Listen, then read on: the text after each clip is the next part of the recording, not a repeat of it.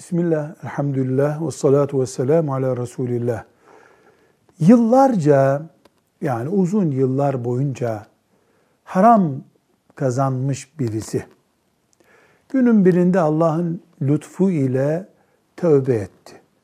Bu haram kazançlarından da kurtulmak istiyor.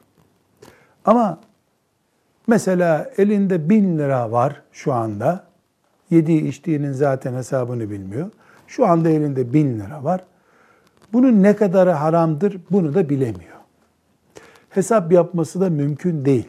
O kadar uzun yıllar geçti ya da haramın üzerinden yıllar geçti. Önce tövbe ediliyor şüphesiz.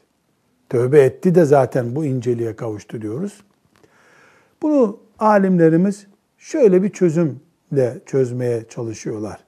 Diyorlar ki elindeki malın yarısını bu şüpheliye tekabül edecek şekilde ayırlasın. Mesela bin lira vardı. 500 lirası haramdandır deyip onu sadaka olarak versin.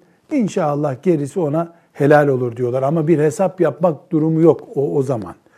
Ne kadar haram var, ne kadar helal biliyorsa haramları çıkarıp atacak.